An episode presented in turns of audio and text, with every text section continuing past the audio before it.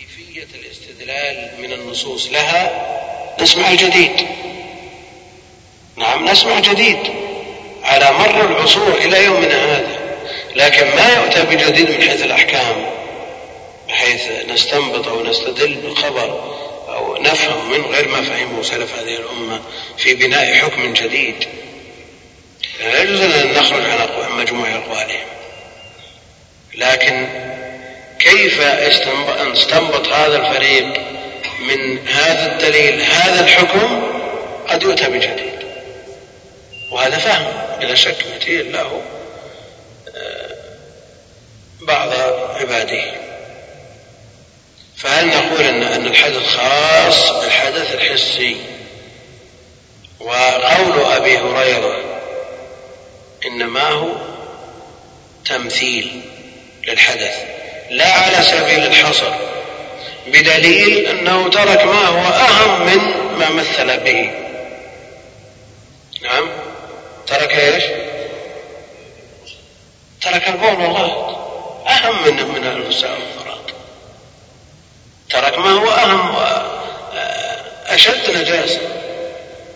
لأن الريح التي تنقض الوضوء. نعم.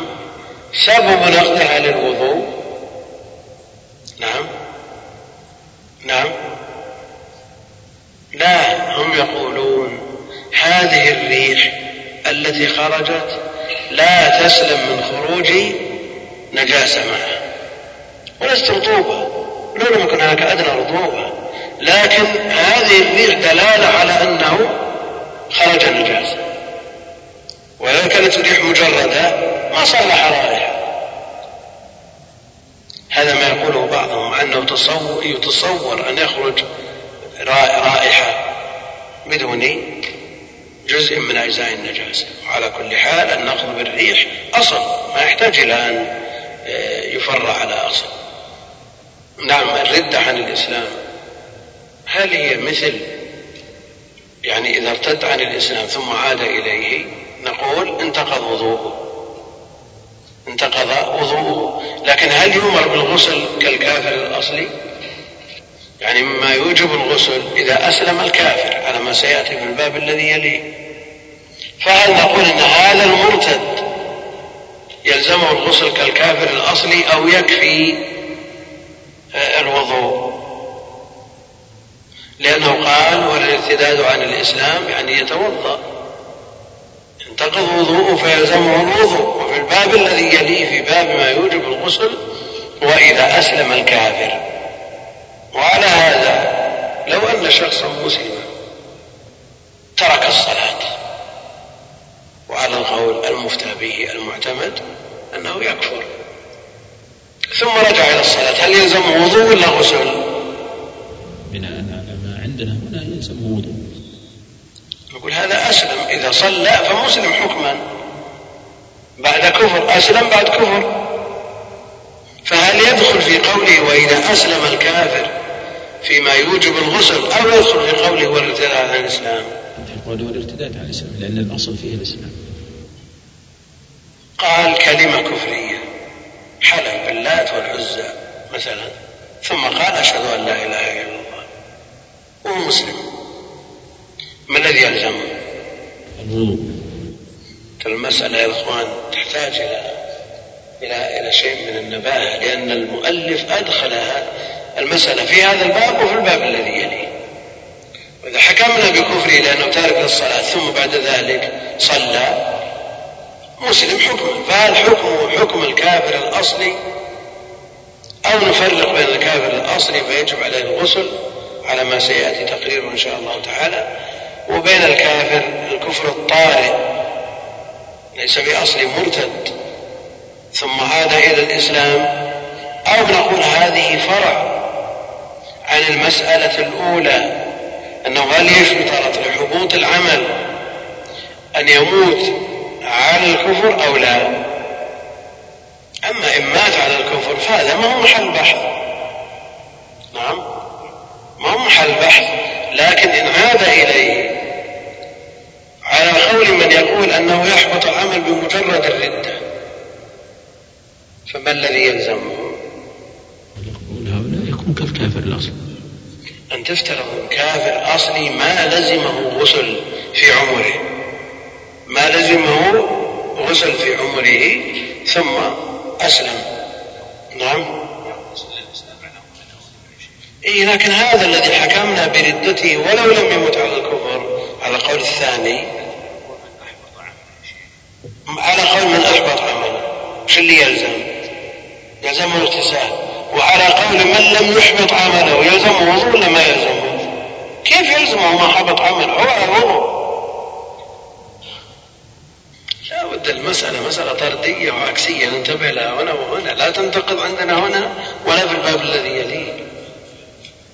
لأننا قلنا ما حبط عمله لماذا نلزمه نعم قائم وضوء ما دام ما حبط. قال أخوان هو قال والارتداد عن الإسلام. الارتداد عن الإسلام جعله من نواقض الوضوء وإسلام الكافر الأصلي جعله من موجبات الغسل فقلنا أن الارتداد عن الإسلام إذا لم يمت على الكفر المرجح أنه لا يحبط عمله ولا يعيد الحج ولا يعيد ما فعله قبل ذلك. لأن عمله معلق حبوطه بالموت على الإسلام بالموت على الكفر. في شيء؟ ها؟ إيه؟ هذا الكلام هذا المرجح. إيه؟ نريد أن يكون الكلام منضبطا. نريد أن يكون الكلام منضبطا. الآن الردة هذه التي لم يمت عليها ما أبطلت الحج وهو ركن من أركان الإسلام؟ فكيف تبطل شرطا من شروط هذا الركن؟ وهو الوضوء. وإن قلنا تبطل نعم قلنا أنه مثل الكافر الأصلي يلزم غسل ما يكفي وضوء عندنا بكلامنا ينضبط. يكون مضطرد. نعم. مم. وش الدليل لا فيمت وهو كافر. هذا القيد معتبر. اللهم إلا إذا كان بتمشون على عدم اعتبار القيد. كان مشى على عدم اعتبار القيد. نعم. كيف؟ اي بيلزم بالأعمال التي تقضى كلها اولا من يرتد؟ من يرتد؟ الآية التي فيها القيد. نعم. هل هو قيد أو وصف مؤثر يقتضي التخصيص؟ فيكون عندنا مرتد مات على كفره ومرتد لم يمت على كفره. أنا أريد أن أقرر هل الموجود هنا في الآيتين هل هو من باب العموم والخصوص أو من باب الإطلاق والتقييد هل هو قيد؟ ها؟ أو تخصيص؟ ها؟ يعني تخصيص بالصفة ولا قيد؟ نعم. إيش اللي ترتب على كونه قيد أو تخصيص.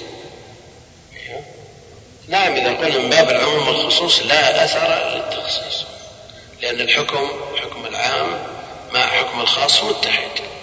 يعني ذكر الخاص بحكم موافق للحكم العام ما يقتضي التخصيص فيكون ذكر الخاص للاهتمام به والعناية بشأنه. شو؟ لكن الآن الذي معنا ودنا نطول يا إخوان لأن هذا لا يرغب بعض الحضور. الآن هل هنا تقليل أفراد أو تقليل أوصاف؟ نعم. إذا قلنا تقليل أوصاف قلنا تقييد قيد. وإذا قلنا تقليل أفراد قلنا تخصيص وهو إلى القيد أقرب منه إلى التخصيص. وعلى كل حال كلام أهل العلم يدل على أنه قيد وإلا لو كان تخصيص ما خصصوا لأن الحكم موافق. لأن حكم الخاص موافق لحكم العام. انحلت ولا ما انحلت؟ يعني كونه داخل هنا مبطل للوضوء. الردة مبطلة للوضوء. إسلام المرتد. نسميه إسلام ولا رجوع؟ وهل هناك فرق أو لا؟ يعني أيهما أشد الكافر الأصلي أو الكافر الكفر الطارئ المرتد؟ أيهما أشد؟ لا المرتد أشد. المرتد أشد من بدل دينه فاقتلوه ما فيه مثنوية. لكن الكافر الأصلي في خيارات. الظاهر من المسائل بيجر بعضها بعض ما تنتهي. لأن إذا ألزمنا الكافر الأصلي فالمرتد على هذا إذا ألزمناه بالغسل فالمرتد إذا قلنا أن الردة أعظم من الكفر الأصلي من باب أولى. وين وش الدليل. ألق عنك شعر الكفر واغتسل إيه؟ بيجي هذا ما هو مشكلة لكن الكلام كيف أوجبنا الوضوء على من ارتد عن الإسلام؟ بما أوجبنا الوضوء على على من ارتد عن الإسلام. ما هو لأننا أحبطنا عمل وهذا عمل قلنا إنه لو لو دخل في حديث من لا يقبل الله صلاة من احدث لادخلنا سائر الأحداث. ابو هريره فسر الحدث. وقلنا إن تفسيره نقتضي الحصر. بدليل انه ترك ما هو أهم. من الأحداث الحسية أهم. الله اخوان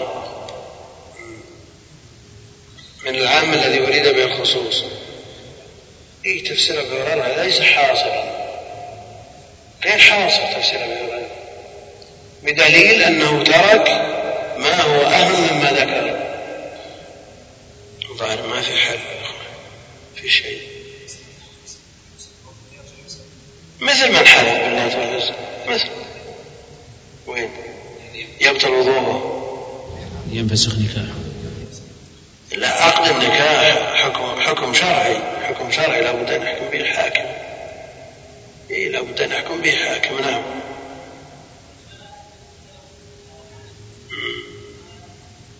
هذا توضأ وخرج إلى المسجد يريد الصلاة فارتد نسأل الله السلامة والعافية.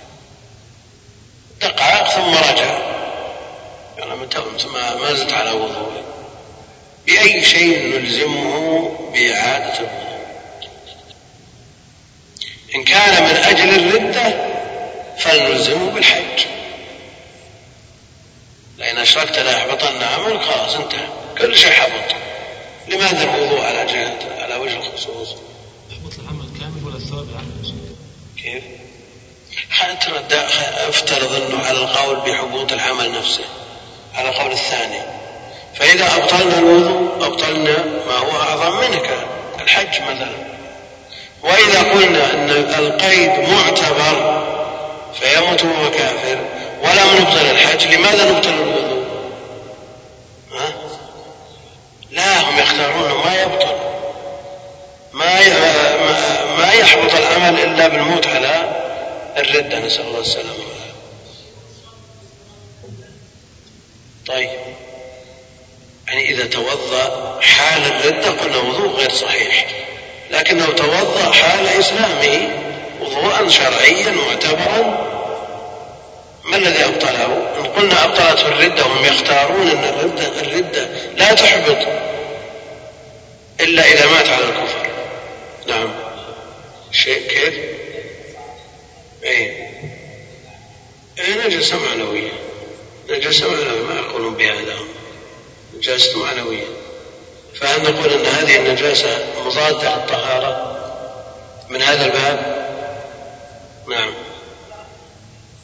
كيف؟ لا لا انقطاع النية بعد بعد الفراغ من العبادة ما يؤثر. ما يست ما يؤثر.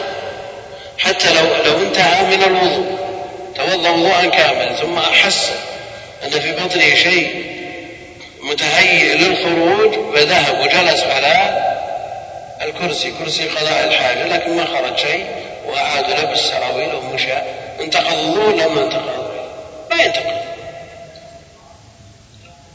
هو على وضوء ما, ما جاء ما ينقض الوضوء لا الصيام في أثنائه لكن لو هو الإفطار المغرب لو بعد المغرب قال والله شاك بصيامي هذا يجزي ولا ما يجزي؟ يبطل صيامه ما يبطل بعد الفراغ من العبادة لا يلتفت إلى مثلها يلا يا إخوان ساعدونا. جزاكم الله خير. يلا. في شيء شيء ها. يا عبد الله. صالح. عاش عبد العزيز. إيش يقول؟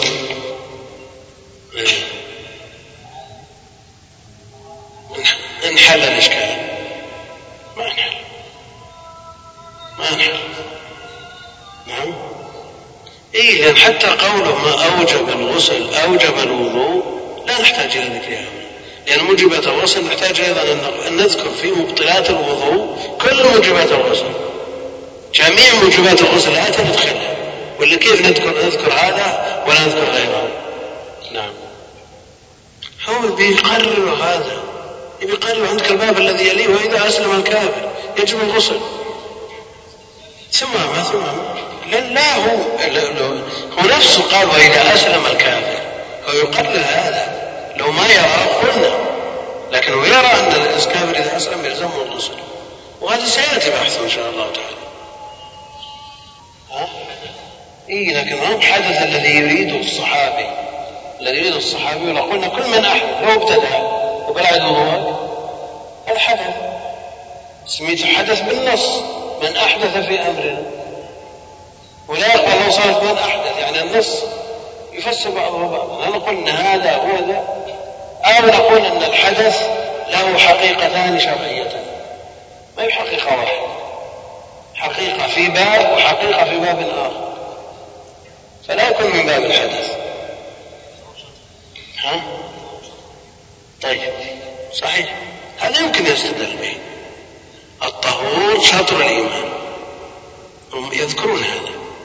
الطهور شطر الإيمان. فإذا ذهب الإيمان بالكلية ما يذهب شطره؟ نعم. صح ولا لا؟ نعم يستدلون بها. الطهور شطر الإيمان وهذا في صحيح مسلم. فإذا ذهب الإيمان ذهب شطره الذي هو الطهور. وبهذا تكون المسألة حلت ولا ما حلت؟ كيف؟ أجل وش هذا. وين؟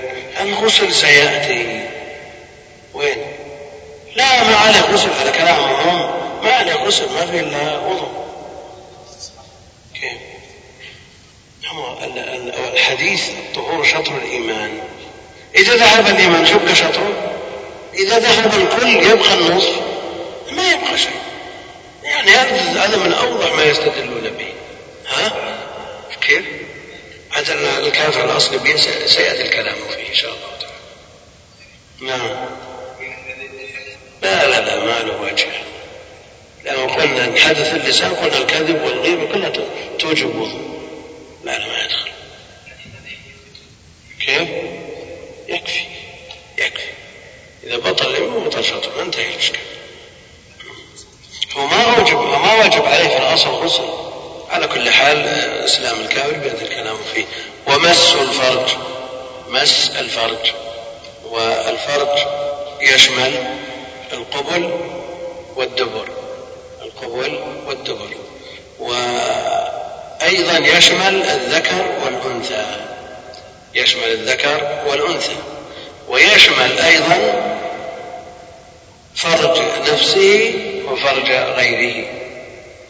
مس الفرج والمعول عليه في هذا معول عليه في هذا حديث بسرى من مس ذكره فليتوضأ.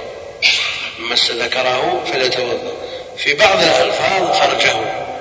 في بعض الألفاظ فرجه. في بعض الألفاظ من مس ذكره وأنثييه.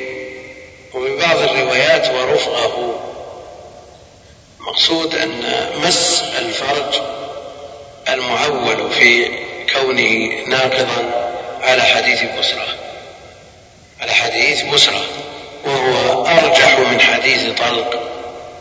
وهو أرجح من حديث طلق.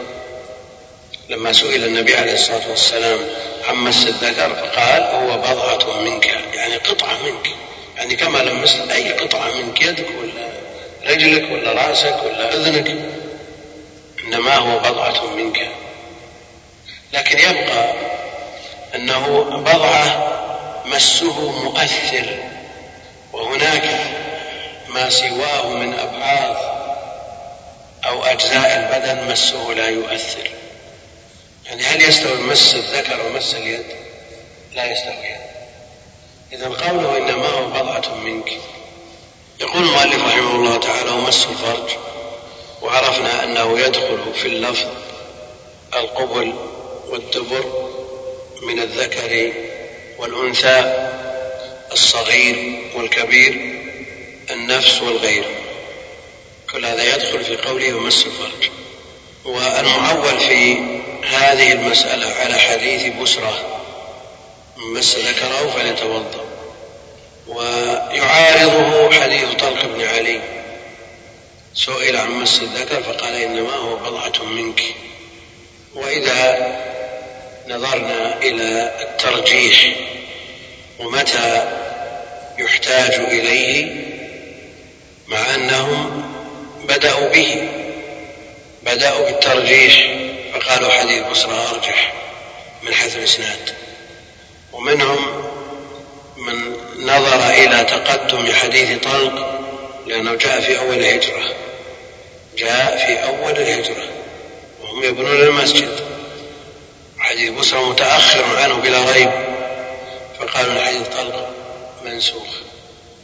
ومنهم من يجمع بين الحديثين فيحمل الأمر في قوله فليتوضأ على الاستحباب والصارف حديث طلق. هذه مسالك أهل العلم بالنظر إلى الحديثين منهم من رجح ومنهم من جمع ومنهم من قال بالنسخ. الذين رجحوا حديث بسرى على حديث طلق رأوا النقض مطلقا. رأوا النقض مطلقا. فمن مس ذكره فالنص في الذكر.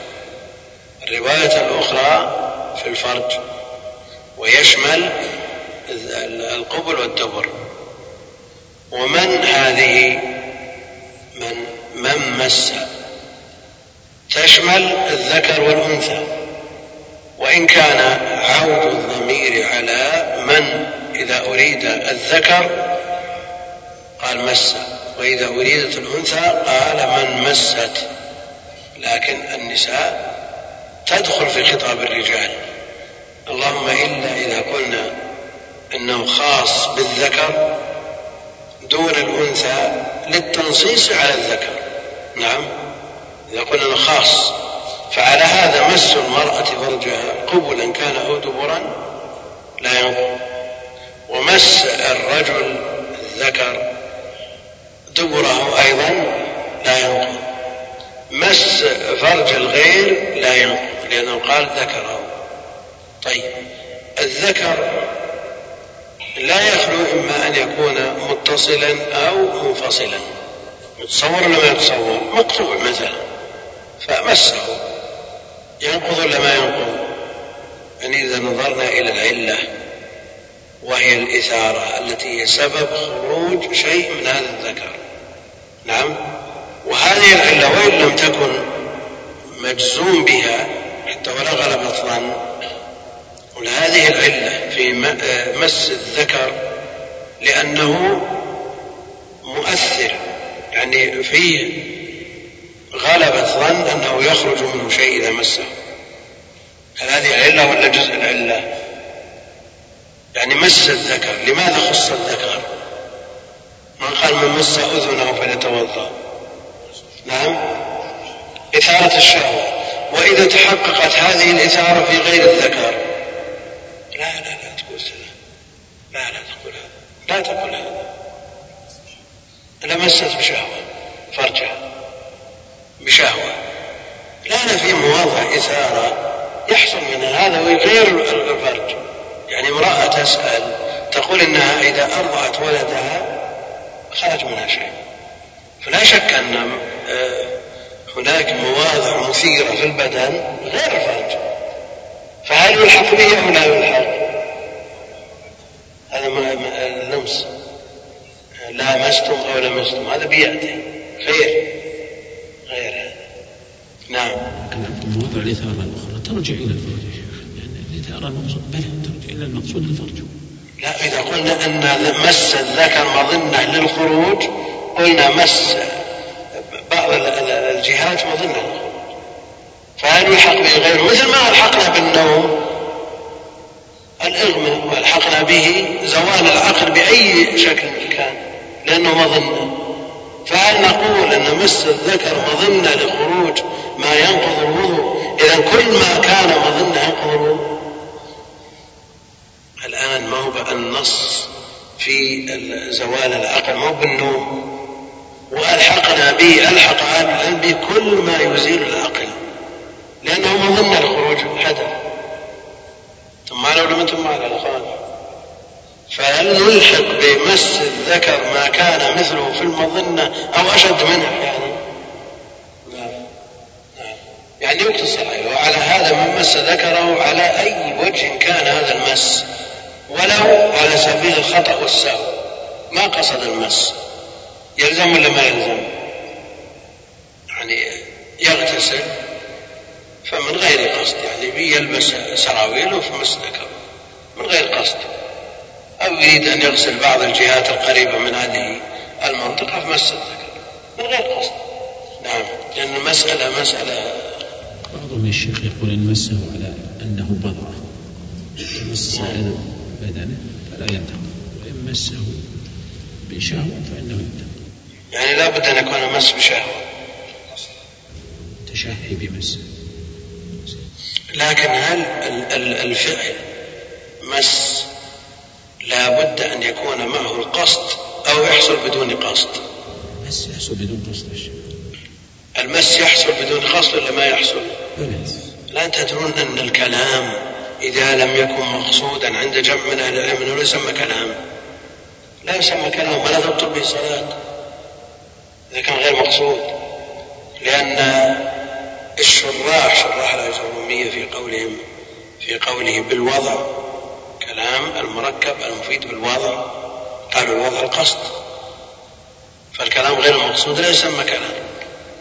والقول الآخر أن قوله بالوضع يعني بالوضع العربي فعلى هذا الكلام بغير العربية ليس بكلام. فهل كلام النائم يؤخذ عليه لأنه غير مقصود؟ أو شخص سبق لسانه بيقول كذا فقال كذا قلت أنت طائر قال أنت طالب يؤخذ عليه ولا يؤخذ لا يؤخذ عليه لأنه غير مقصود. فهل القصد له أثر في تحقق الفعل أو لا أثر له؟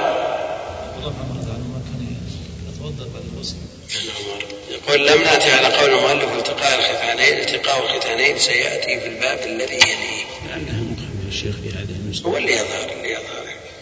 وجاري على على قولهم أن كل ما أوجب غسل أوجب وضوء لكن إفراد ما يوجب الوضوء فقط. النسخة اللي مع المغني ليست فيها. إيه. ما اللي مع الزركشي قال هذه موجودة؟ إيه موجودة في الزركشي. يذكر إنها موجودة في الزركشي. لكن إفراد ما يوجب الوضوء عما يوجب الغسل لا شك إنه أدق. أدق وإلا لزم أن يدخل أن يجعل البابين باب واحد. كنت شعبنا وصرنا ما نعم. ويريد أن يغسل. شيء جزء من بدنه فوقعت يده على الذكر وغير قاصد. فهل الفعل يتحقق من غير قصد أو لا يتحقق؟ وهل المقصود المس باليد أو بأي جزء من البدن؟ من مس ذكره فليتوضأ. مسه بأي جزء؟ الشيخ الله تعالى سمى من قتل خطأ سماه قاتل. لكن هذا بيلبس الجوارب بمس ذكره برجله يلزمه ولا ما يلزمه إذا قلنا أن المس يحمل على عمومه قلنا لا يأخذ بأي جزء من البدن. إذا لم نقل أن المس المراد به باليد بالكف دون سائر اليد كما يقرر العلم بباطنها دون ظاهرها. صار النوع خاص من المس. نوع خاص من المس فيخرج ظهر الكف يخرج الذراع وإن كان من اليد ويخرج ما فوق ذلك يخرج ما ما كان بغير اليد. نعم. أيضا أيوه. والأفعال من ترك ناسي أو من فعل ناسي. يا أخي القاعدة تكون عكس ما تقول نعم. لأن النسيان ينزل الموجود فعل. نعم. منزلة المعدوم بخلاف العكس. مطالب بشيء ولا فعله لا بد أن يفعل. فأمر التروك أشد من أمر الأفعال. لكن المسألة يا شيخ في عدم تسمية غير القاصد فاعل إيه. القاتل يسمى قاتل وإن كان غير قاصد. إيه لكن هذا في حقوق العباد. في حقوق العباد. اللهم صل على محمد وعلى آله وصحبه. السلام عليكم ورحمة الله وبركاته. يقول إذا جئت الإمام في صلاة الجمعة في التشهد الأخير فهل أصليها ظهرا أم جمعة؟ إذا لم تدرك ركعة فتصليها ظهرا. وقد سمعت أنه حتى وإن انتهى الإمام من الصلاة يصليها الشخص جمعة ما دام وقت الجمعة لم يخرج. إن وجد مسجد يصلون الجمعة وأدركها معهم لا بأس. ولو فاتته الجماعة الأولى وجد جماعة يصلون في مسجد معتبر مأذون له أن يصلى فيه جماعة يصلي معهم يدركها إلا فيصليها ظهرا. ألا يكون اضطجاع النبي صلى الله عليه وسلم تقريرا على جواز الصلاة بعد الاضطجاع خصوصا أنه لم يرد تخصيص على أن الاضطجاع يكون محدثا لأنه النوم ناقض للوضوء النوم ناقض للوضوء والنبي عليه الصلاة والسلام يضطجع ويسمع له خطيط فهذا من خواصه عليه الصلاة والسلام لأنه تنام عيناه ولا ينام قلبه. هل يمكن أن يستدل على وجوب وضوء المرتد بقوله تعالى إنما المشركون نجس أو من أقوى ما يستدل به على وجوب الوضوء المرتد وأن الردة ناقضة للوضوء الطهور شطر الإيمان وهو في الصحيح. وإذا بطل الإيمان بطل شطره من باب أولى. الحمد لله رب العالمين صلى الله وسلم وبارك على عبده ورسوله نبينا محمد وعلى آله وصحبه أجمعين. أما بعد فيقول المؤلف رحمه الله تعالى في باب ما ينقض الطهارة. يقول المؤلف رحمه الله تعالى والذي ينقض الطهارة ما خرج من قبل أو دبر خروج الغاية والبول من غير مخرجهما وزوال العقل إلا أن يكون النوم اليسير جالسا أو قاعدا والارتداد عن الإسلام ومس الفرج ومس الفرج. وعرفنا أن في مس الفرج حديث بسرة مس ذكره فليتوضأ. بعض الروايات من مس فرجه فيدخل فيه القبل والدبر. وعبارة المؤلف رحمه الله مس الفرج يدخل فيه فرج نفسه وفرج غيره الصغير والكبير مقتضى عبارة المؤلف. وهم يقولون إذا كان ينتقض وضوءه بمس فرجه فلا ينتقض بمس فرجه بفرج غير بمس فرج غيره من باب أولى. وعلى هذا الأمهات عند إرادة تنظيف الأولاد الصغار ومست الفرج من غير حائل على كلامه ينقض الوضوء. تنتقض الطهارة. وعرفنا أن في المسألة قولا آخر وأنه لا ينقض مطلقا وفيه حديث طلق بن علي لما سئل النبي عليه الصلاة والسلام عن الفرج وعن مسه فقال إنما هو بضعة منك يعني قطعة منك من أي كأي قطعة من سائر الجسد. وأصحاب القول الأول يقولون أن حديث طلق متقدم لأنه جاء والنبي عليه الصلاة والسلام يعمل في المسجد وبناء المسجد مع صحابته رضوان الله عليهم. والمتأخر ينسخ المتقدم. ومنهم من صرف الأمر في حديث بسرى من الوجوب إلى الاستحباب. قال والصارف حديث طلق. كان شيخ الإسلام رحمه الله يميل إلى هذا. يميل إلى أن إعادة الوضوء من مس الفرج على سبيل الاستحباب.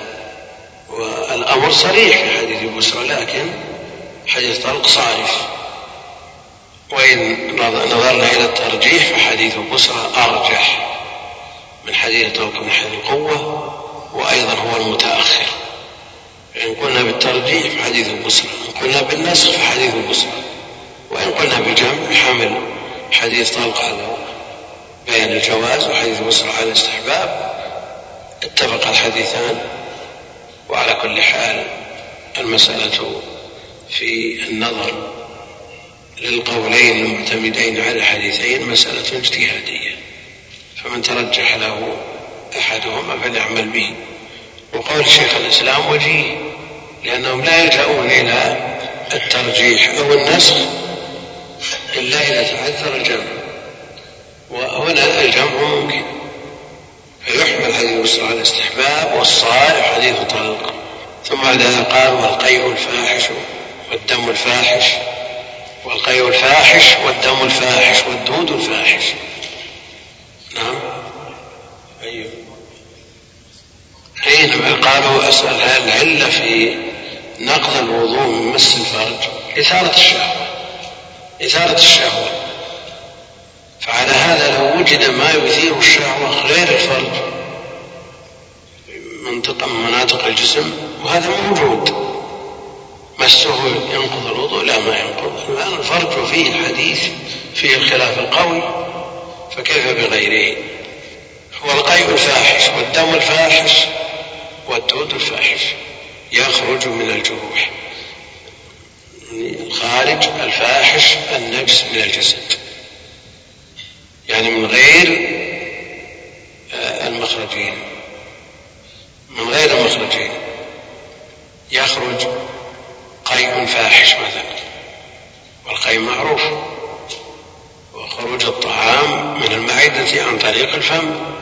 والدم الفاحش سواء كان بسبب جرح أو كان أيضا بطريق التقيؤ أو بالحجامة لأنه كثير. والدود الفاحش الذي يخرج من الجروح والقروح.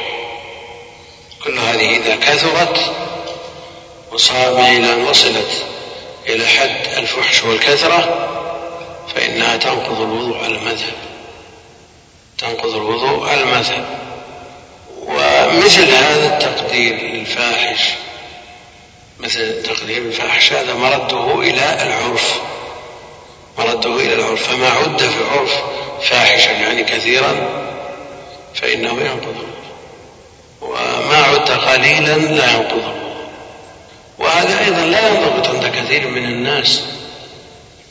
منهم من يقول أن هذا مرده إلى أوساط الناس لا أصحاب الابتذال كالجزارين ولا أرباب الوسوسة لأن الموسوس يعتبر الشيء اليسير فاحش. والجزار لملابسته الدماء لا يعتبر يعتبر الشيء الكثير قليل. وعلى كل حال إذا قيل بمثل هذا فمرده إلى أوساط الناس وإلى أعرافهم. القيء الفاحش. من قاء أو رعف فليتوضأ. فليتوضأ. والنبي عليه الصلاة والسلام جاء عنه أنه قاء فتوضأ. فالقيء من مبطلات الطهارة. والمسألة خلافية بين أهل العلم. منهم من يرى أن القيء لا ينقض الوضوء.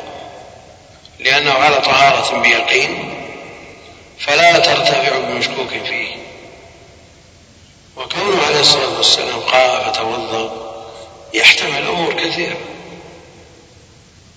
أن الوضوء تعقب القيء ولم يكن ولم يكن بسببه. لكن مثل هذا يبطل مفاد الحديث. يبطل مفاد الحديث. منهم من يقول لغويا يعني تمضمض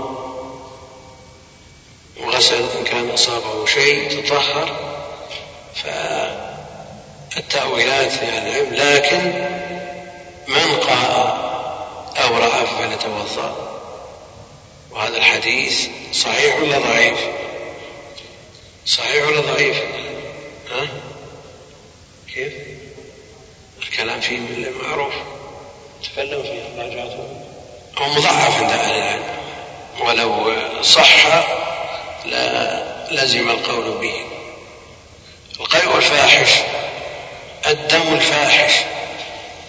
الدم الفاحش الذي يخرج من غير مخرج البول والغائط وهو أيضا محل خلاف بين أهل العلم مبني على القول بطهارته ونجاسته. فالجمهور على نجاسة الدم. جماهير أهل العلم على نجاسته وقال بعضهم وينصره كثير من المتأخرين أنه طاهر وليس بنجس ولا يوجد ما يدل على نجاسته.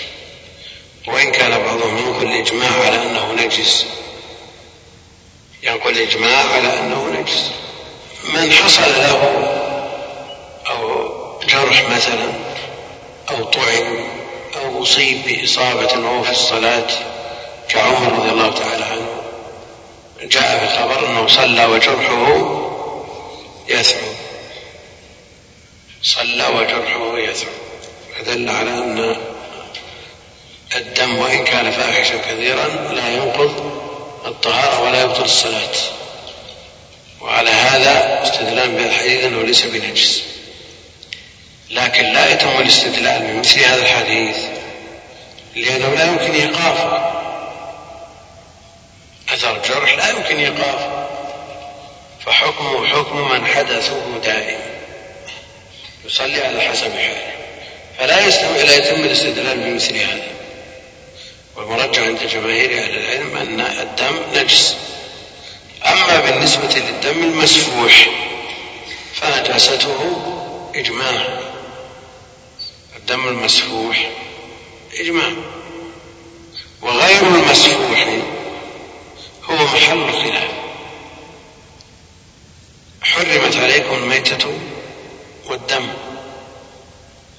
في قول الله جل وعلا قل لا أجد فيما أوحي إلي محرما على طالب يطعمه إلا أن يكون ميتة أو دما مسفوحا. فعامة أهل العلم على تقييد الآية المطلقة حرمت عليكم الميتة والدم بالآية المقيدة. إلا أن يكون دم مسفوحا للاتحاد في الحكم والسبب. فمثل هذه الصورة يحمل المطلق على المقيد اتفاقا. يحمل المطلق على المقيد اتفاقا. ولا يقال في غير المسفوح انه في حكم المسفوح. فالمحرم حرمت عليكم الميتة والدم محمول على المسفوح. أما غير المسفوح كالذي يبقى في اللحم بعد الذبح فإنه لا يؤثر. لا يؤثر. فإذا وضع اللحم في القدر وعلى هذا الدم على القدر على الماء لا يؤثر عند أهل العلم. ولا يلزم غسل اللحم من هذا الدم.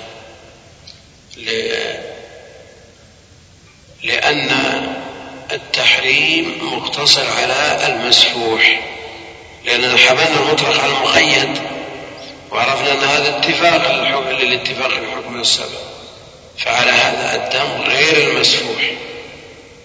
وغير المسفوح الأصل فيه أنه قليل ولا كثير؟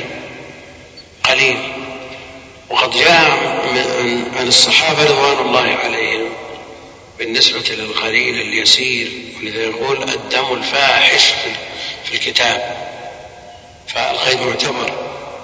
جاء عنهم من عصر البثرة خرج من الدم ولم يتوضأ. ومنهم من حرك أنفه فخرج منه الدم ولم يتوضأ. ومنهم من حرك لثته باللسان خرج منها الدم ولم يتوضأ. فدل على أن اليسير لا يتوضأ منه وليس بنجس وليس بنجس. والدم الفاحش والدود الفاحش.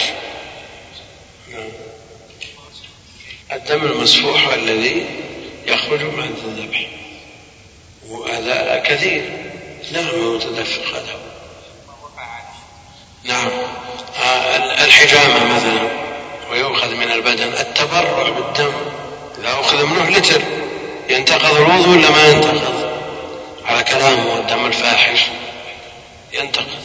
وهل يدخل في المسفوح أو غير المسفوح؟ نعم.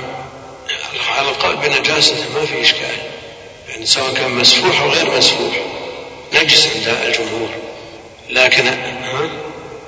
اي يعني التبرع بالدم على هذا يقفل بابه تداول تداول بحرام وهو نجس. كيف؟ حديث عمر لا شك أنه في حكم من حدث دائم لا يمكن إيقافه لا يمكن إيقافه بحال. فهو في حكم من حدثه دائم أما التبرع ما يحمل على هذا. التبرع لا يحمل على هذا. عمره يصير متى ما بغيت توقف أسحب عبره ويقف. فليس في حكم من حكم الحدث دائم بل هو مقدور على إيقافه. نعم إيه.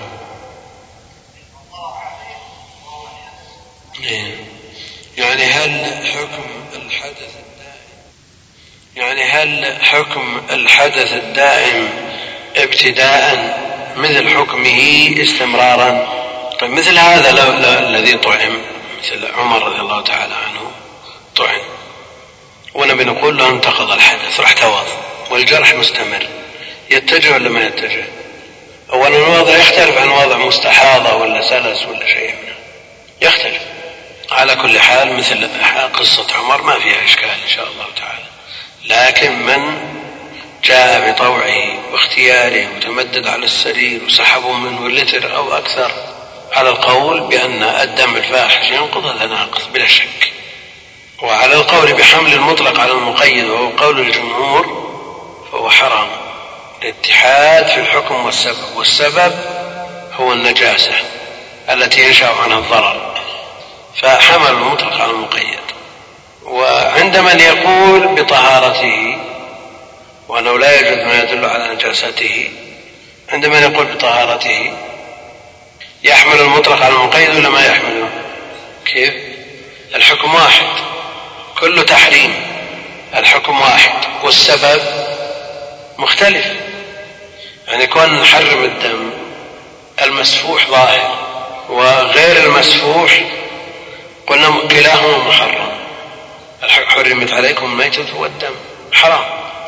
والثاني قل لا أجد فيما أوحي إلي محرما على طاعم يطعمه إلا أن يكون ميتة أو دما مسفوحا. الحكم واحد. وحينئذ يحمل المطلق على المقيد بالجمهور. يعني عند الجمهور يحمل المطلق على المقيد في التحريم لكن السبب مختلف. حكم واحد والسبب مختلف.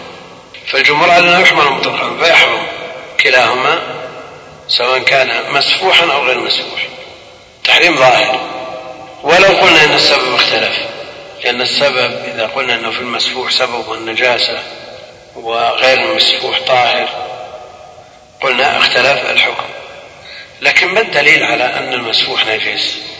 يعني هل من لازم التحريم النجاسة أو من لازم النجاسة التحريم؟ نعم من لازم النجاسة التحريم. لكن ما ليس من لازم التحريم النجاسة. يعني ظل ذلك الخمر خلاف معروف عند أهل العلم. في أمور آه، محرمة مقطوع بتحريمها وهي طاهرة. الأصنام مثلا أو الحشيش أو ما أشبه ذلك من الأمور اليابسة. فهي طاهرة وإن كانت محرمة. والدم الفاحش والدود الفاحش. نعم. هذه حاجة يعني تصور أنه آه، خرج الغزو في سبيل الله وبإمكانه أن يكون معه ثياب كثيرة يغير هذا ويلبس هذا أو, أو يتيسر له الماء بأن يغسل الدم. حالة ضرورة هذه. والله ما يلزم ما يلزمكم باستطاعته مو مثل الحضر. ما يلزم على كل حال الدم الفاحش نجس في المذهب وناقض للوضوء والخلاف مثل ما سمعنا. الدود الدود الذي يخرج من القروح والجروح قروح المتعفنة يخرج منها دود. والدود طاهر ولا نجس؟ ما تولد من نجس فهو نجس.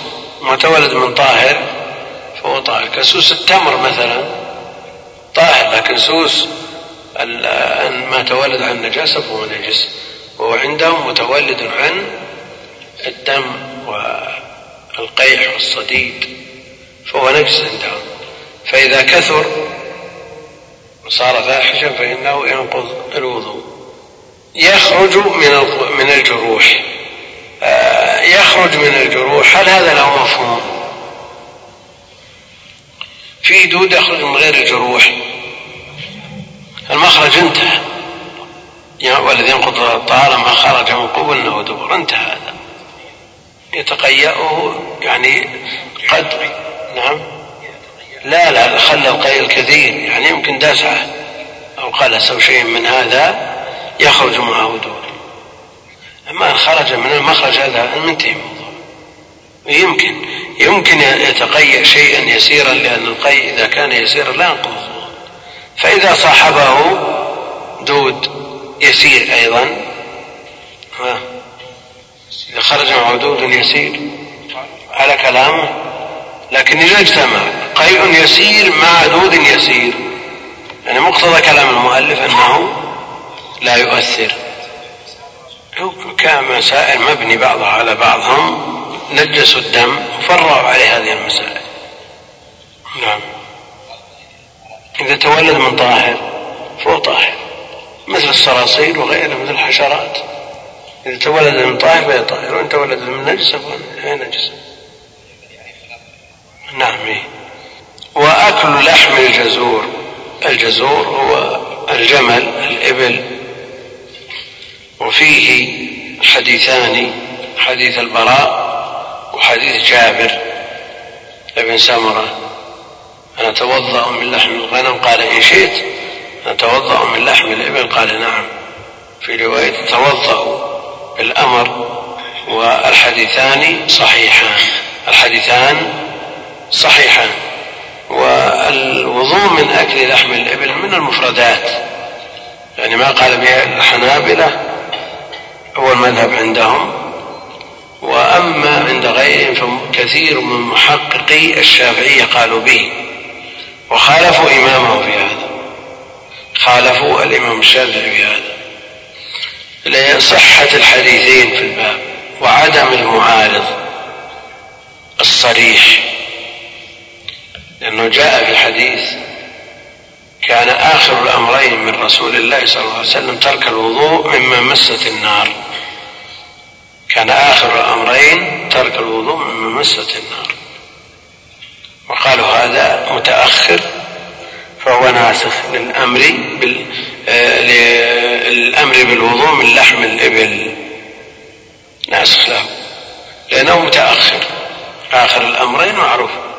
لكن إذا قلنا بأن لحم الإبل نيل ما مسته النار. ينقض ولا ما ينقض؟ ينقض. ويشمل ولحم الإبل الجزور يشمل كل ما حواه الجلد. فيدخل في ذلك الكبد والمصران والكرش وما أشبه ذلك. فهي داخلة لأنها يشملها جلده. يطلق اللحم على ما هو أعم من اللحم الأحمر بدليل قوله جل وعلا ولحم الخنزير ولا يستثنى مما حواه جلده شيء. لكن قد يحوي جلد الخنزير ما هو نجس إجماعا ويحوي جلد الإبل الجزور ما هو طاهر إجماعا. والمسألة كما هو معلوم ليست في الطهارة والنجاسة. المسألة ليست في الطهارة والنجاسة. لكن أهل العلم حينما يريدون لحم الخنزير من أجل أن يقرروا أن اللحم يطلق على ما حواه الجلد فكذلك في الجزور. فالوضوء متجه لمن أكل شيئا مما حواه جلد الجزور سواء كان ذلك من اللحم أو من النصران أو الكرش أو الكبد كله يقال له لحم. الله عنك. نعم. إذا لو حلف ألا يأكل لحم فأكل من هؤلاء. نعم حلف ألا أقسم ألا يأكل لحما فأكل كبدا. يحنث ولا ما يحنث؟ نعم. إيه. هذا على رأي المالكي يحمل على قصده. لكن الجمهور على أنه مرده إلى العرف. مرد مثل هذا إلى العرف. فإن كان في العرف يسمى لحم حنث وإلا فلا. وفي العرف لا يسمى لحم فلا يحنث. نعم. عند المالكية قلنا أن القصد له أثر في الأيمان والنذور. عند المالكية. أما عند غيرهم فمرد ذلك إلى العرف. عندنا الأمر بالوضوء من أكل لحم الجزور. لا شك أنه خاص بلحم الجزور خاص بلحم الجزور. لكنه عام فيما مسته النار وما لم تمسه النار. وآخر الأمرين من رسول الله صلى الله عليه وسلم ترك الوضوء من مسته النار عمومه في الجزور وغيره وخصوصه فيما مسته النار. دلالته على لحم الجزور بالمنطوق ولا بالمفهوم؟ نعم. بالمفهوم. ودلالة لحم توضأ من لحم الإبل بالمنطوق. فعندنا نص متأخر ونص متقدم. وعندنا نص المتقدم بالمنطوق والمتأخر بالمفهوم. فهل ينسخ المنطوق بالمفهوم لأن لدينا في الطرفين جهة قوة وجهة ضعف. جهة قوة وجهة ضعف. جهة القوة في الحديثين حديثي الباب أنه منطوق وفي الوقت نفسه خاص. وجهة الضعف أنه متقدم.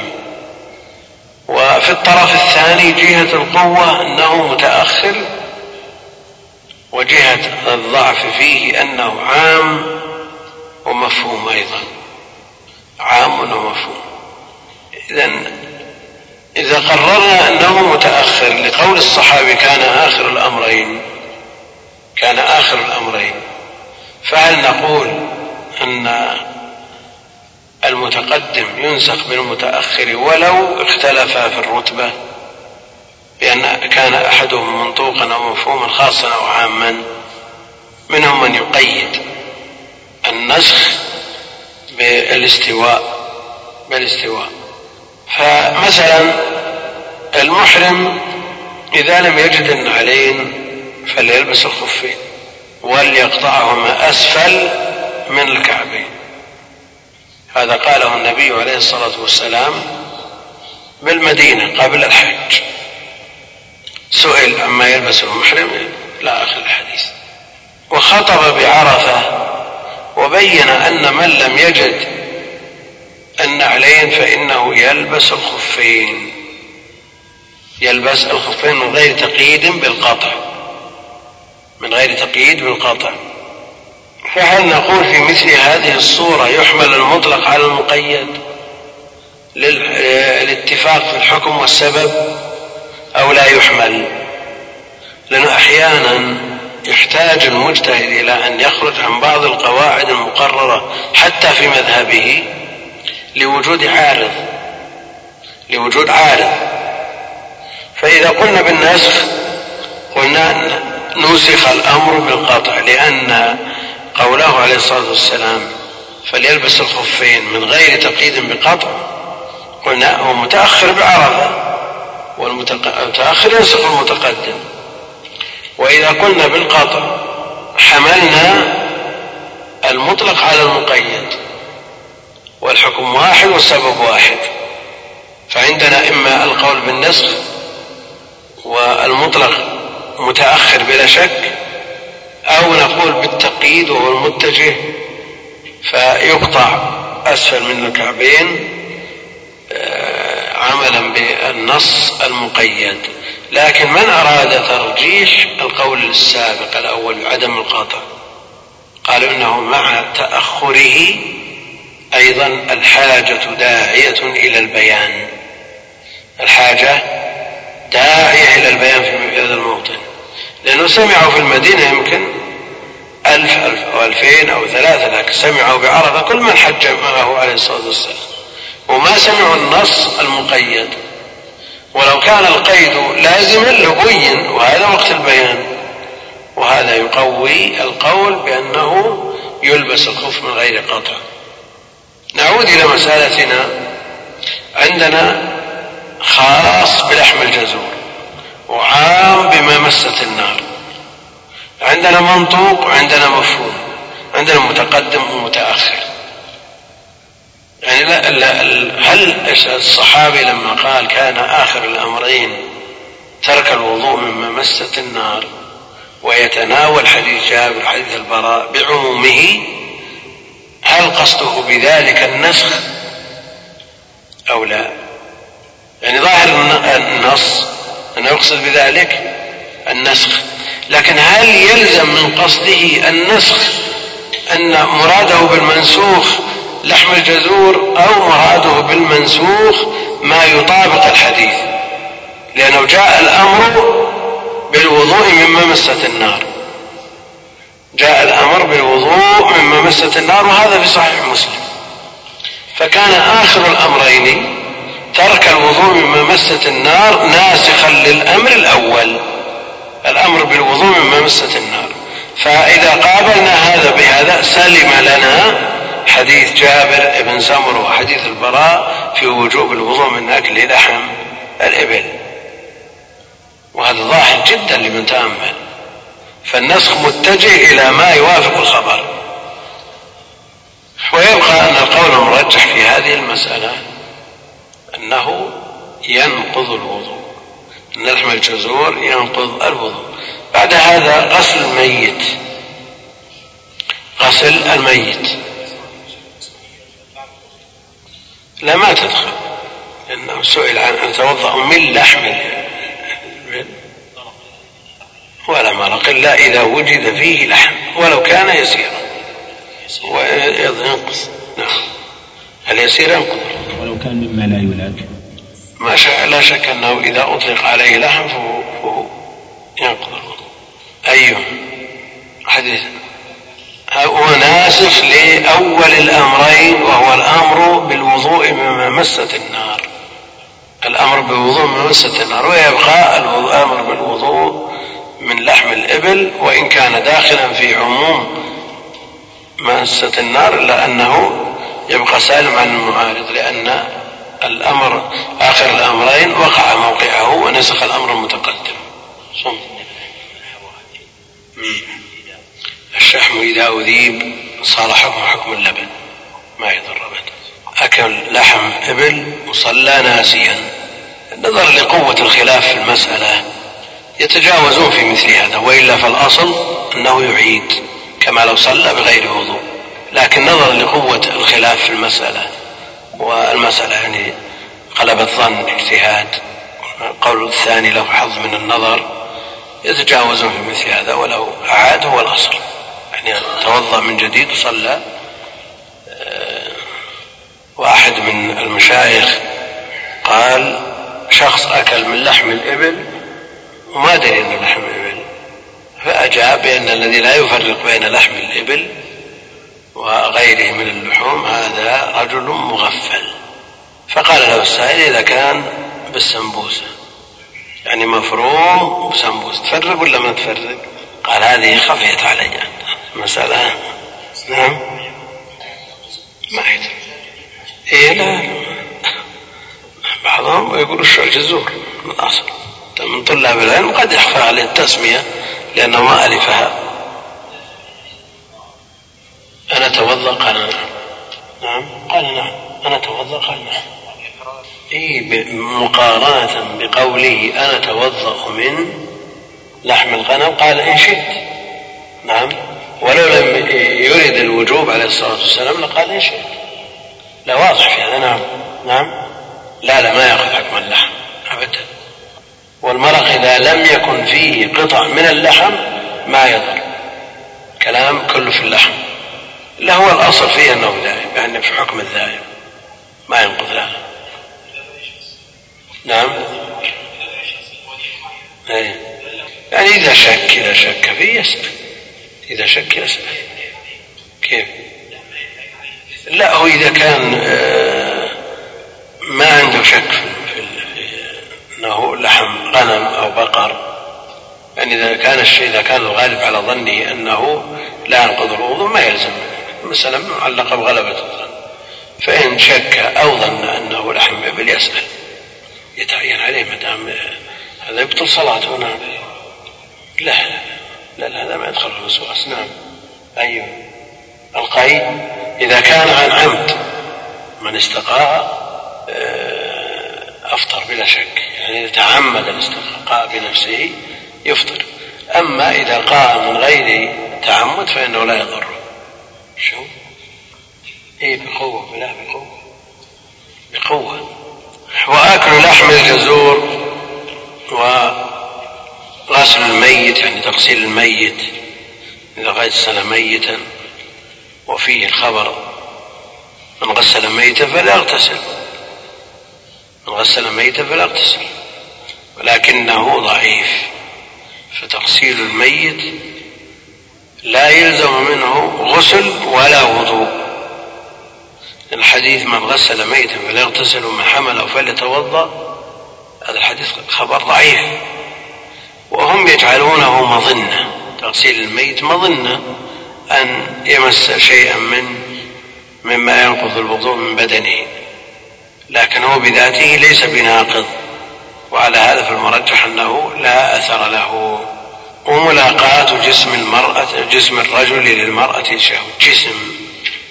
ويعبرون في كثير من الكتب مس المرأة بشهوة. مس المرأة بشهوة. وهنا يقول ملاقاة جسم الرجل للمرأة بشهوة. فهنا المسألة مبنية على الملامسة أو لامستم النساء. أو لامستم النساء. فهو على إن كان المراد به المس نفسه فإنه فالآية تدل على أنه ينقض الوضوء.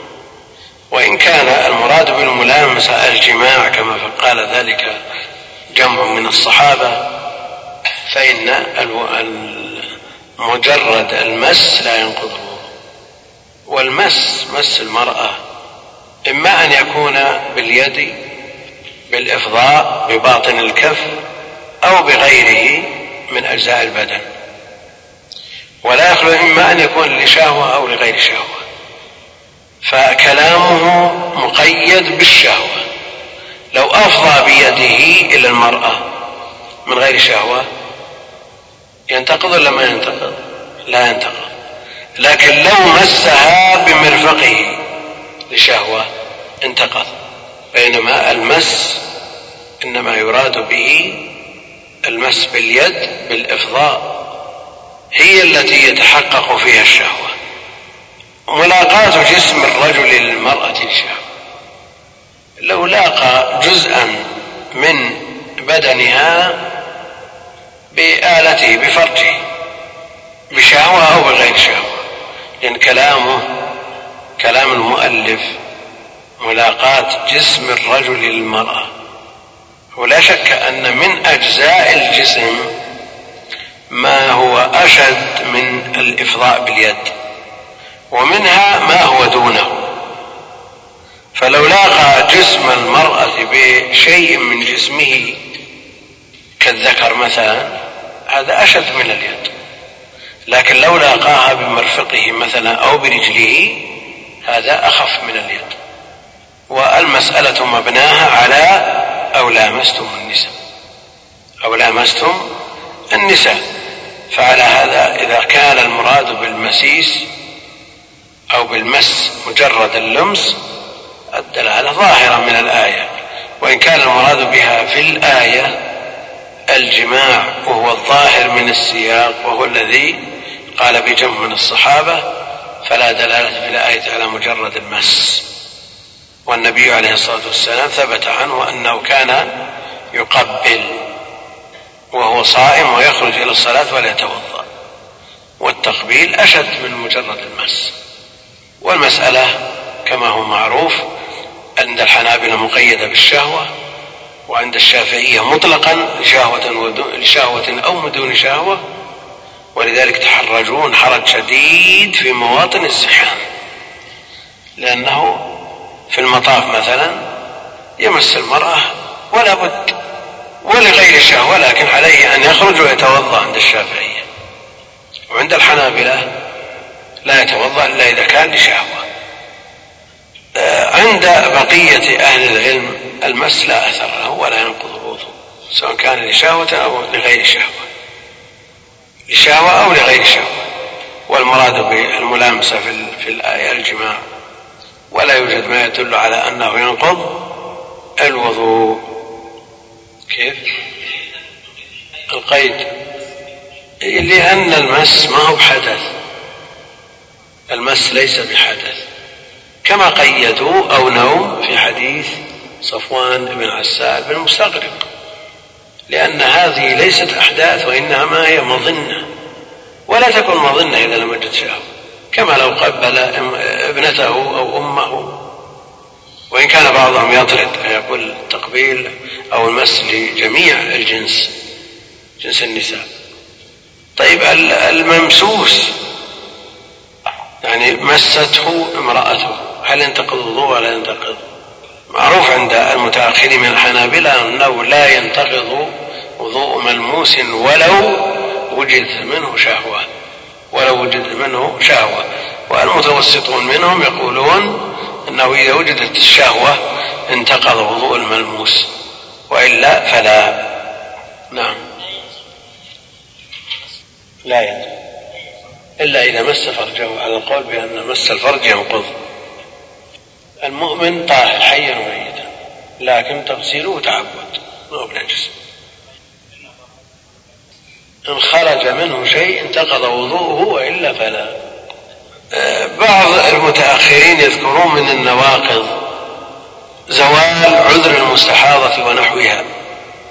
زوال عذر من به حدث دائم. توضأ. مع أن المذي يخرج منه أو السلس يخرج منه باستمرار ما يقف. أو الدم يخرج منه المستحاضة باستمرار إذا زال عذره يتوضأ. فجعلوه من النواقض. وجعلوا من النواقض خروج وقت الصلاة لمن تيمم لها. وهذا كما هو معروف في المسألتين.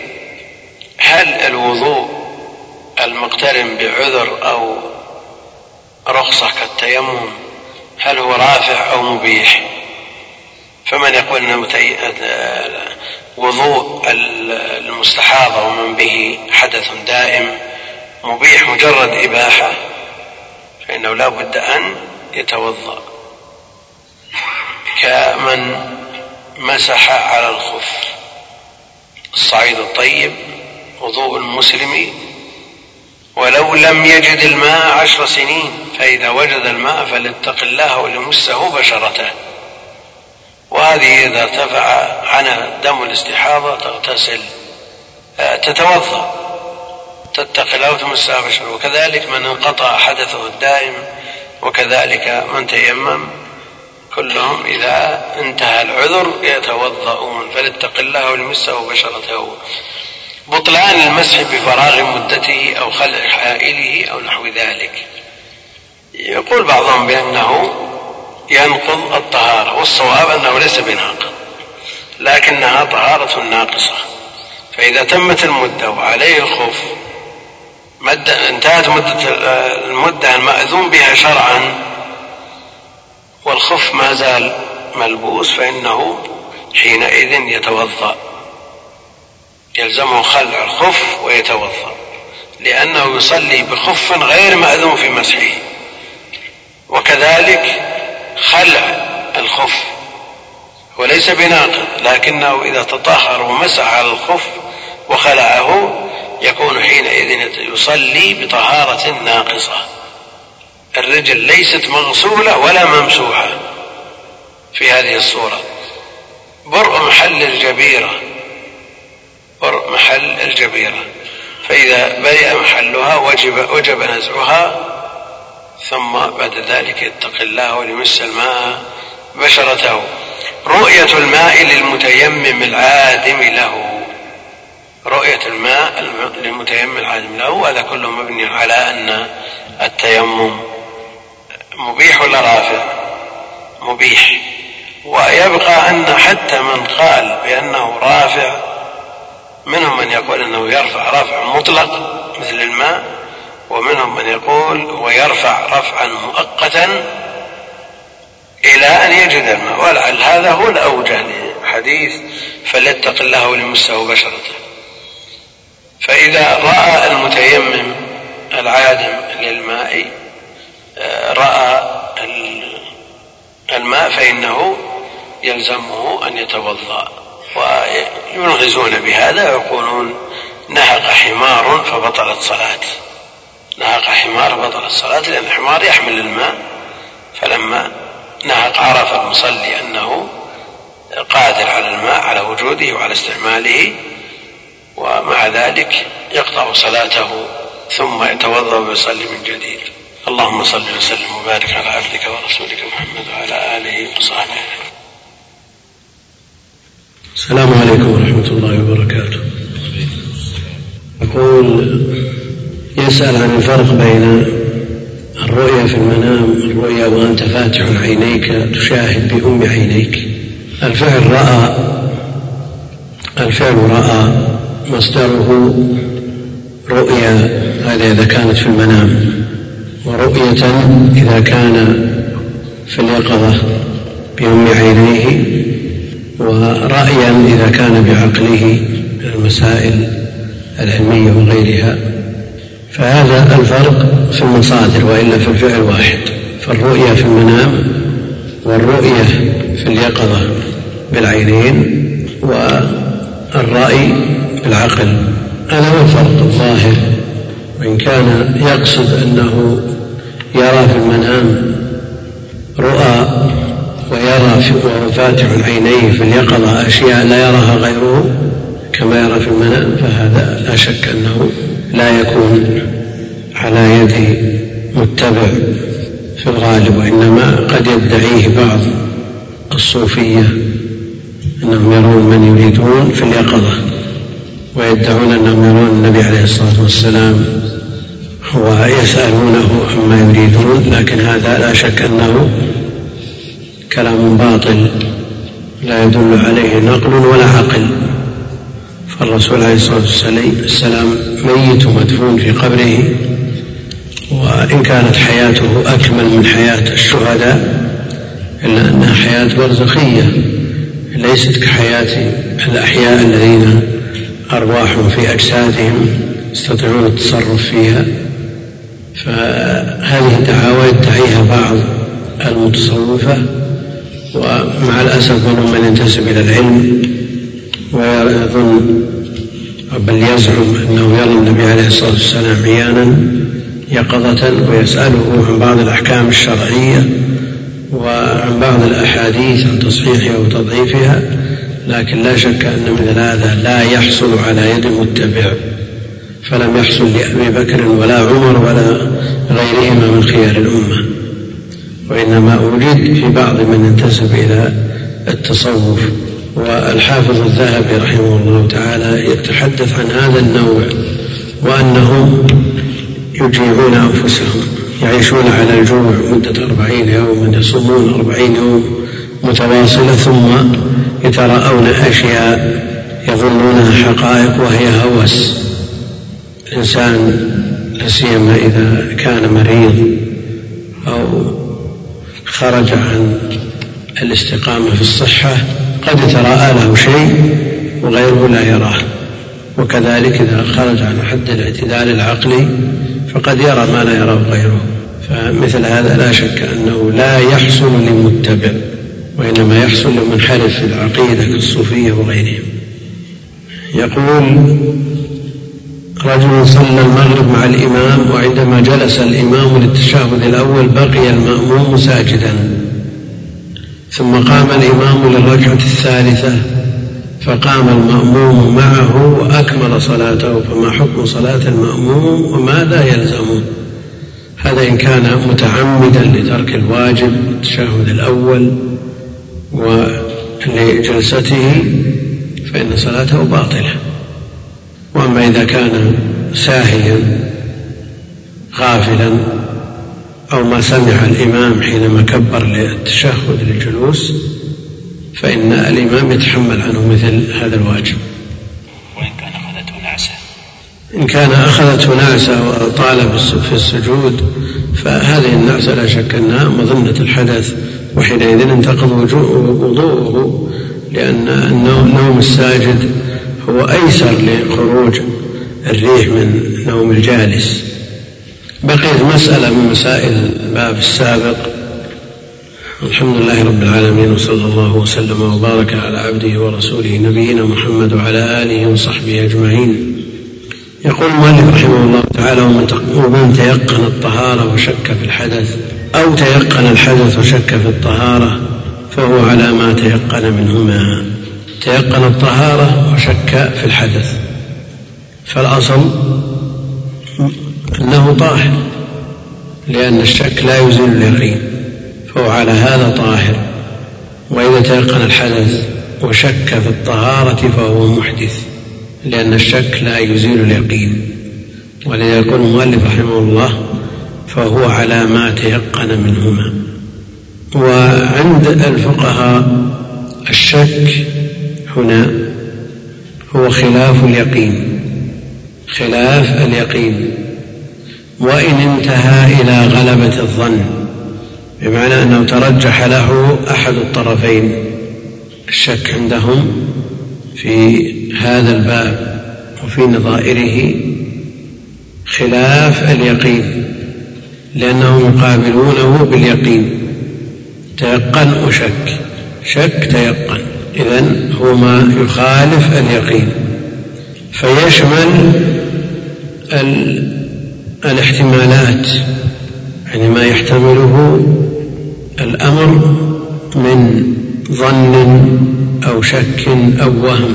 فالشك الذي هو مستوى الطرفين لا إشكال في كونه لا يرفع اليقين. ومن باب أولى الوهم وهو الاحتمال المرجوح.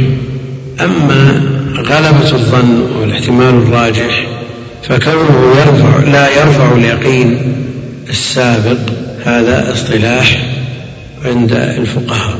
وأما عند الأصوليين فالاحتمال الراجح الذي هو الظن يرفع لأن غالب الأحكام مبنية على الظن مرتبطة معلقة بغلبة الظن. فأما الشك الذي يتساوي الاحتمالين فيتفق فيه الفقهاء والأصوليون على أنه لا يرتفع به اليقين. الآن اليقين هل يعنى به عند الفقهاء المقطوع به؟ لأن عندنا يقولون ما عنه الذكر الحكمي إما أن يحتمل النقيض أو لا. إما أن يحتمل النقيض أو لا. والثاني العلم. والأول إما أن يكون الاحتمال راجحا وهو الظن أو مساويا وهو الشك أو مرجوحا وهو الوهم. فهي الاحتمالات أربعة. إن كان لا يحتمل النقيض يعني نتيجته مئة بالمئة الإنسان متأكد على ما هو عليه ويحلف عليه هذا يقين لأنه لا يحتمل النقيض مئة بالمئة وهذا هو الذي يظهر من تصرفهم ومقابلتهم اليقين بما عداه. حتى الظن لا يرفع هذا اليقين إذا اليقين الذي لا يحتمل النقيض. على الاصطلاح.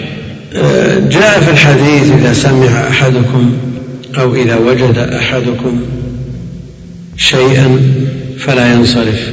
أو ظن أنه خرج منه شيء فلا ينصرف حتى يسمع صوتا أو يجد ريحا. والشيطان كما جاء في الخبر يتلاعب بمقاعد بني آدم حتى يخيل للإنسان أنه خرج منه شيء ولم يخرج منه شيء في الحقيقة. ولذا مثل هذا الاحتمال لا يبطل الطهارة السابقة سواء كان في الصلاة أو خارج الصلاة. فمن توضأ بيقين لا ينتقض هذا الوضوء بمجرد الشك أو الظن فضلا عن الوهم. ومن تيقن أنه محدث فإن هذا اليقين لا يرتفع بظنه أنه توضأ أو شكه في كونه توضأ فضلا عن وهمه. يقول في المغني مع الشرح ولا فرق في المغني في الجزء الأول صفحة 199 المطبوع مع الشرح الكبير يقول ولا فرق بين أن يغلب على ظنه أحدهما أو يتساوى الأمران عنده لأن غلبة الظن إذا لم يكن إذا لم تكن مضبوطة بضابط شرعي لا يلتفت إليها لا يلتفت إليها. كما أن الحاكم لا يلتفت إلى قول أحد المتداعيين إذا غلب على ظنه صدقه بغير دليل. يقول لا فرق بين أن يغلب على ظنه أحدهما أو يتساوى الأمران عنده لأن غلبة الظن إذا لم تكن مضبوطة بضابط شرعي نعم ليس لها ضابط شرعي. لا يلتفت إليها كما لا يلتفت الحاكم إلى قول أحد المتداعيين إذا غلب على ظنه صدقه بغير دليل. لكن في مسألتنا في الطهارة الأمر موكول إليه.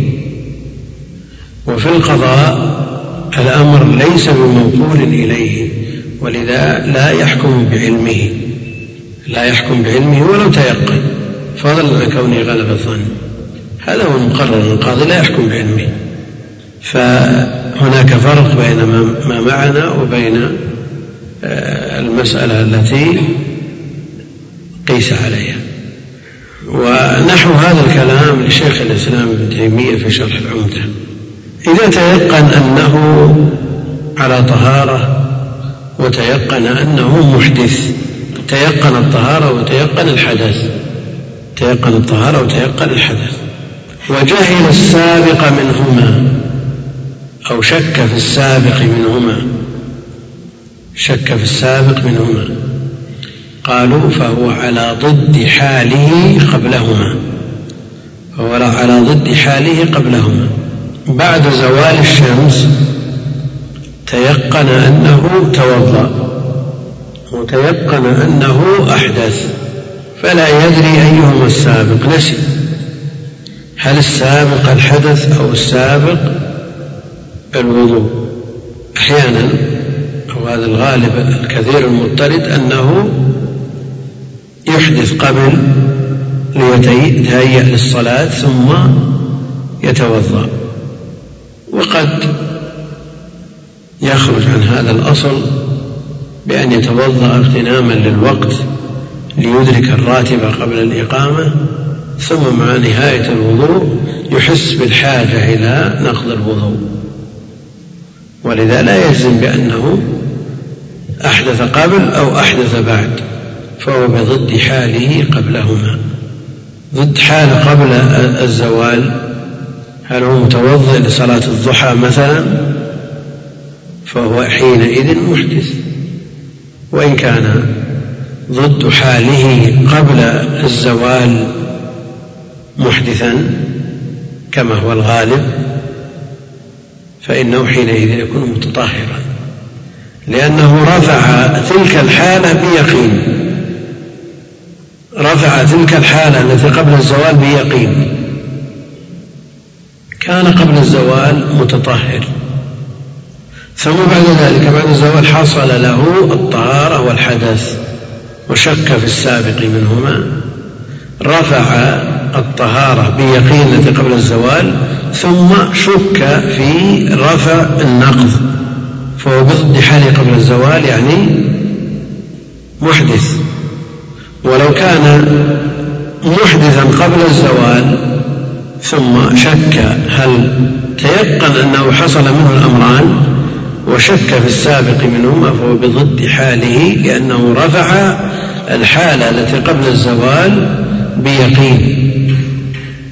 كان محدثا فرفع هذا الحدث بطهارة ثم بعد ذلك لا يدرى هل رفعه للطهارة بعد آه، رفعه رفعه للطهارة بعد الطهارة أو قبلها.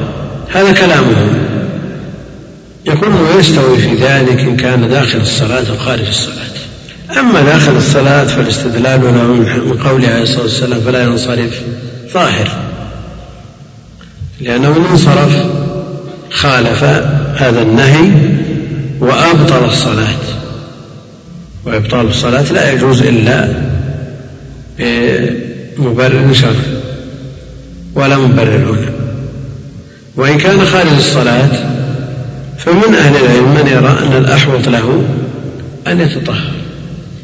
وإذا شرع له أن يجدد الطهارة من غير ناقض